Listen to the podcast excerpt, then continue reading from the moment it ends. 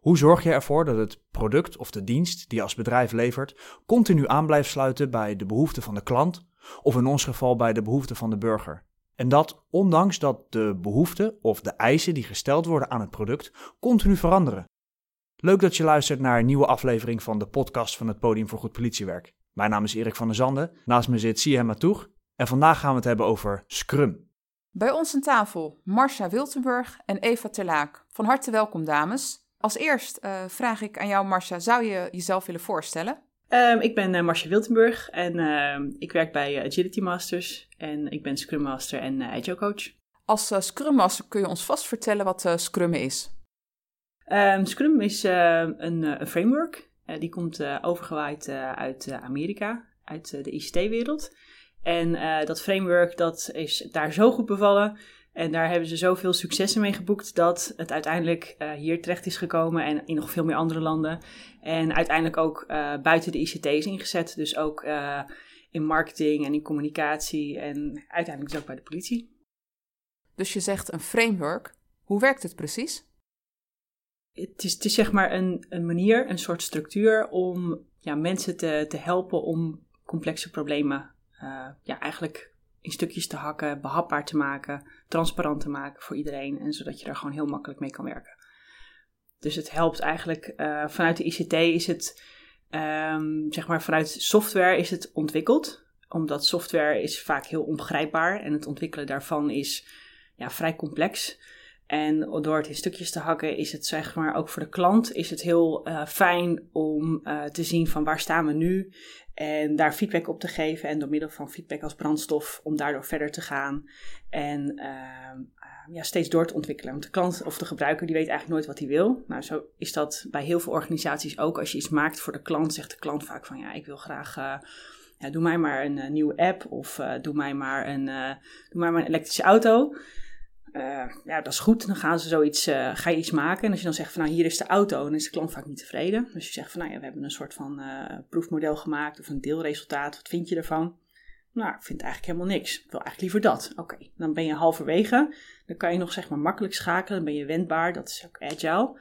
Ben je wendbaar om, om te schakelen en om zeg maar met die feedback om ja, om, om andere dingen te gaan maken. Waardoor de klant altijd tevreden is, want je neemt de klant mee in het proces. Dus er zitten een aantal uh, hele goede elementen in Scrum uh, die voor complexe projecten heel goed te gebruiken zijn. Wat is het effect uh, van Scrum voor een organisatie? Het, het, levert altijd waarde voor de klant op. Dus je, je bent een organisatie, je bent een bedrijf of een politieorganisatie en je maakt iets of je doet iets wat waarde oplevert. En die waarde die kan uitgedrukt worden in een product of in geld of in omzet of in uh, liefdadigheid. Het levert altijd iets op. En dat, dat is een beetje abstract.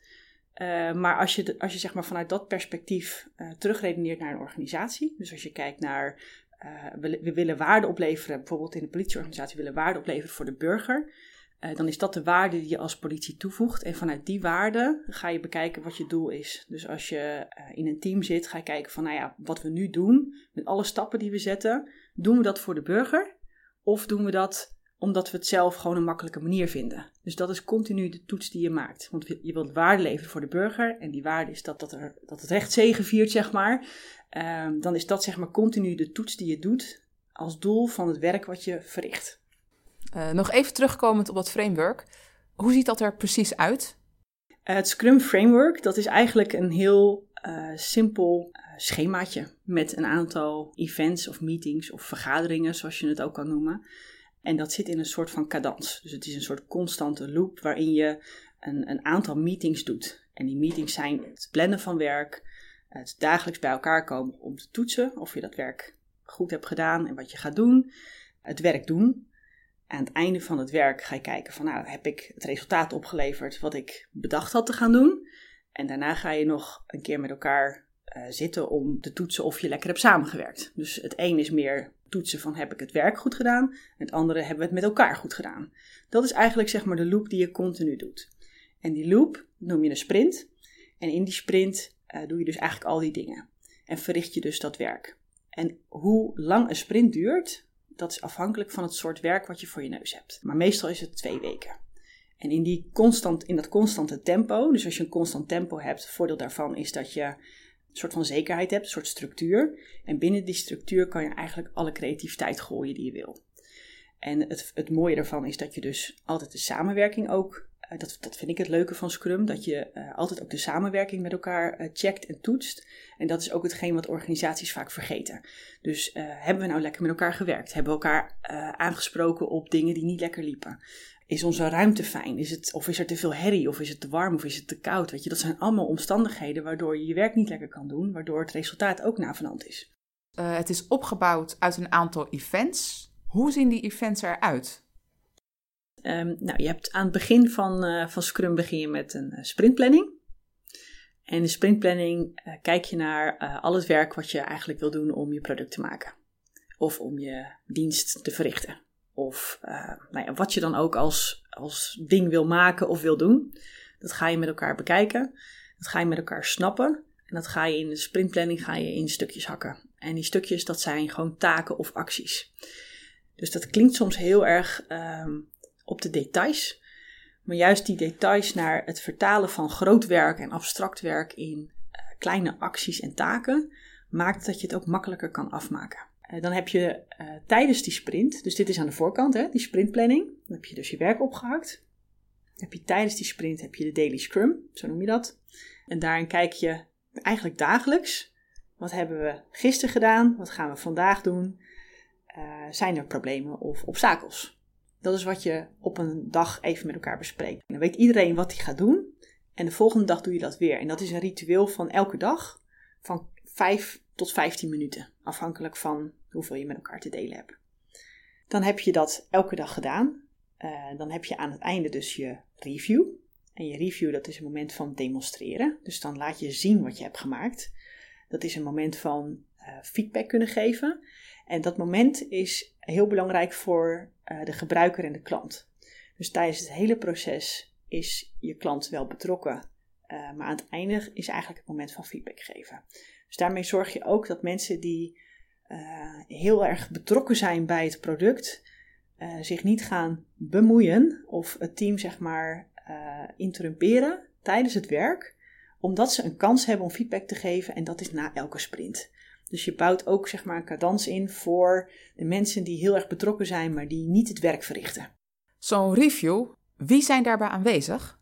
Bij zo'n review, daar mag eigenlijk mag daar Jan en allemaal bij zijn. En als je dat goed voorbereidt, dan kan iedereen daar feedback geven. En dan is dat zeg maar ook gelijk, dat is je brandstof voor de volgende sprint. Dan heb je dus je sprintplanning gehad, je hebt je daily scrum, dan heb je je sprint waarin je het werk doet. Dat is gewoon de periode dat je aan het werk bent.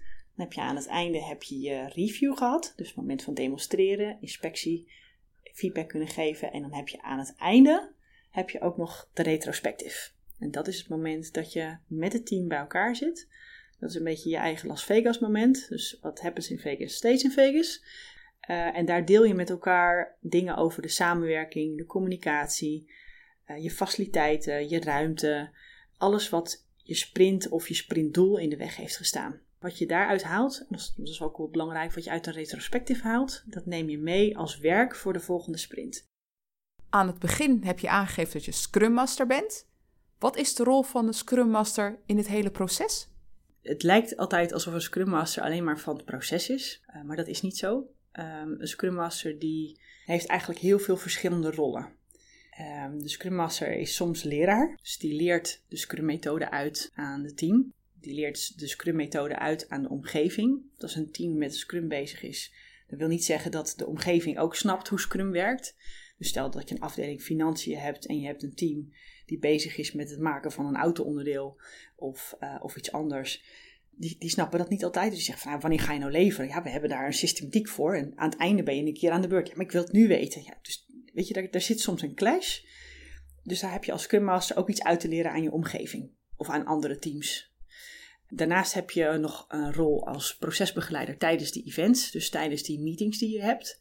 Daar heb je altijd een uh, procesbegeleidende rol. En soms wat meer jij als Scrum Master en soms is het wat meer aan het team of aan degene die team verantwoordelijk is voor het overzicht van het werk.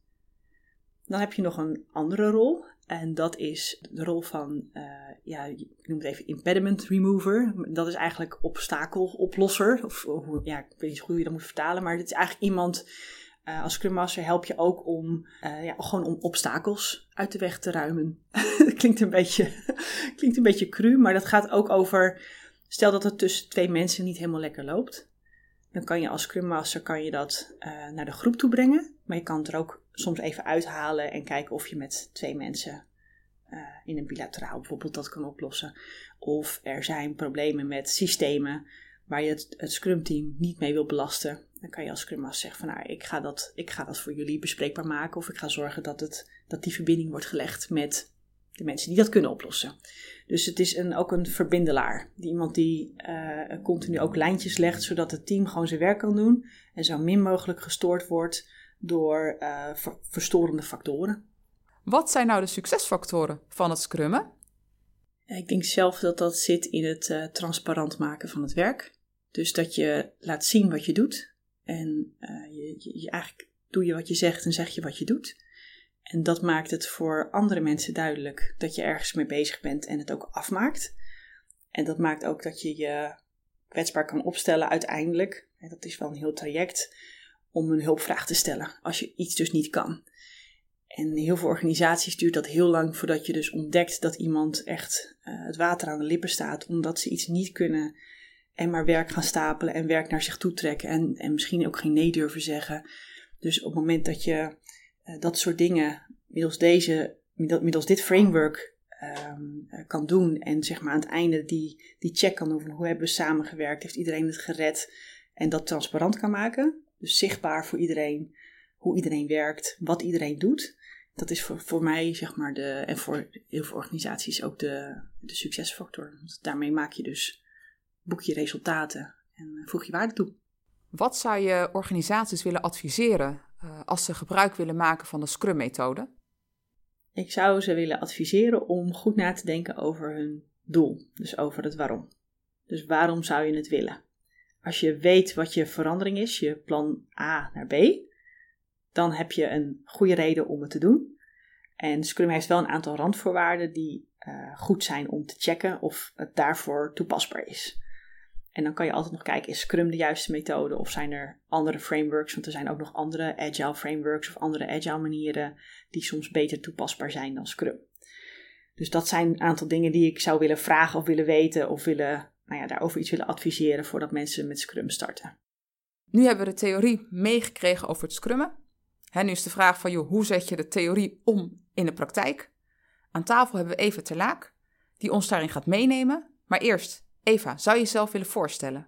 Ik uh, ben Eva Terlaak en werkzaam in de functie van operationeel specialist A aan basisteam Westland.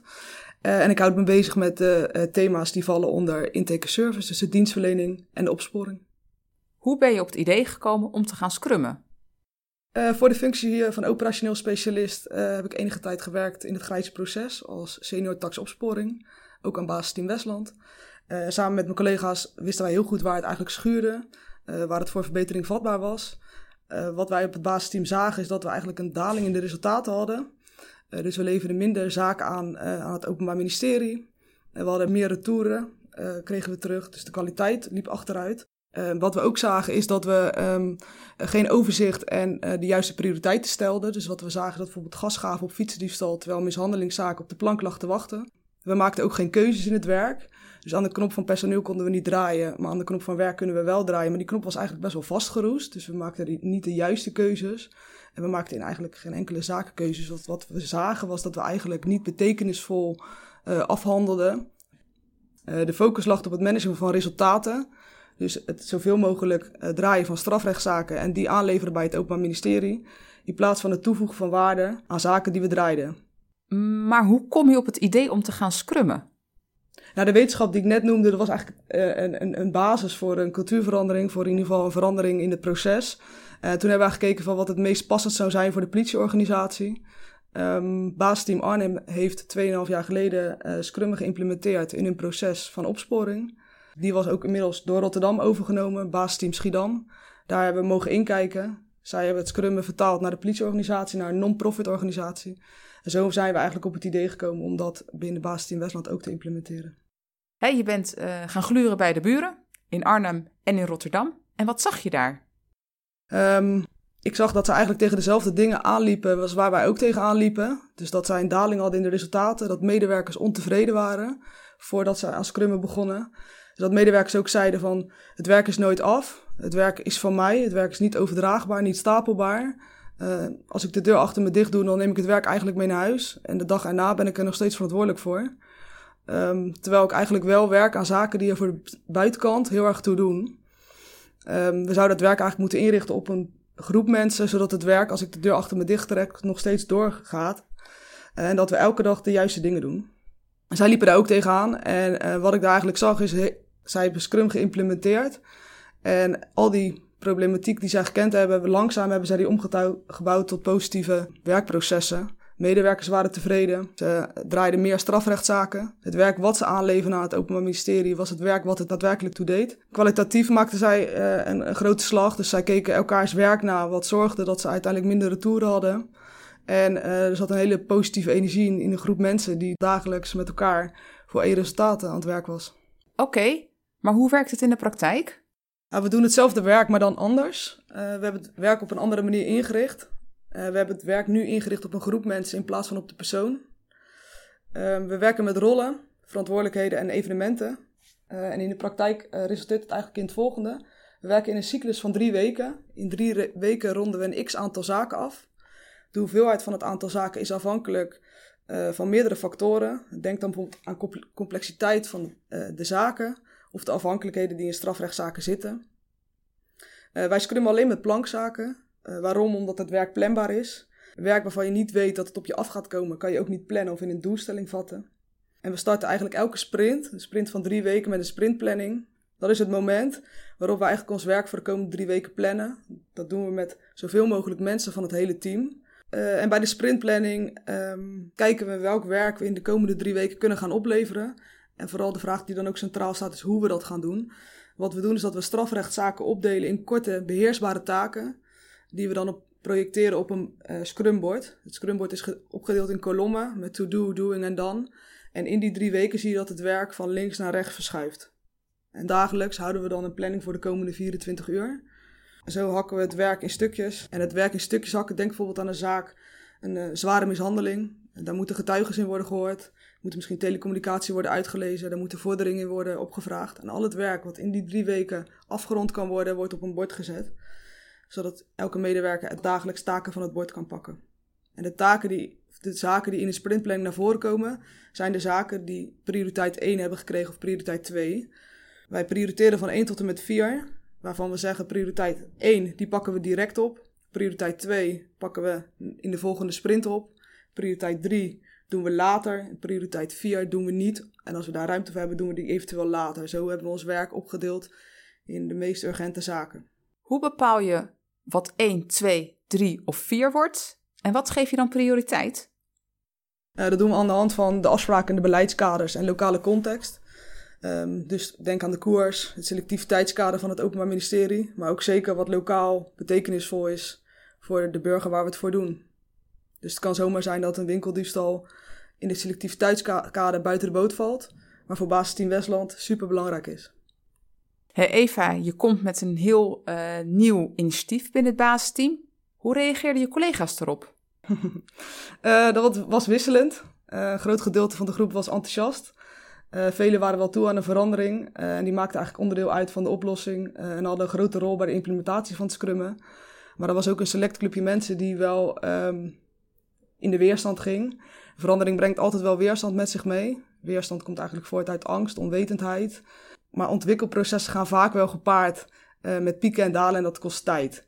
Dus weerstand, eigenlijk zagen we heel snel dat weerstand ook wel nieuwe energie bracht. En als je echt iets wil bereiken met elkaar, dan is er altijd wel een weg om dat te bereiken. Dus uiteindelijk hebben we die weerstand omgebouwd in positieve energie. En was eigenlijk iedereen wel positief over de verandering die we met elkaar hebben ingezet. Wat heb je nodig gehad om het scrummen binnen je basisteam uh, te kunnen implementeren?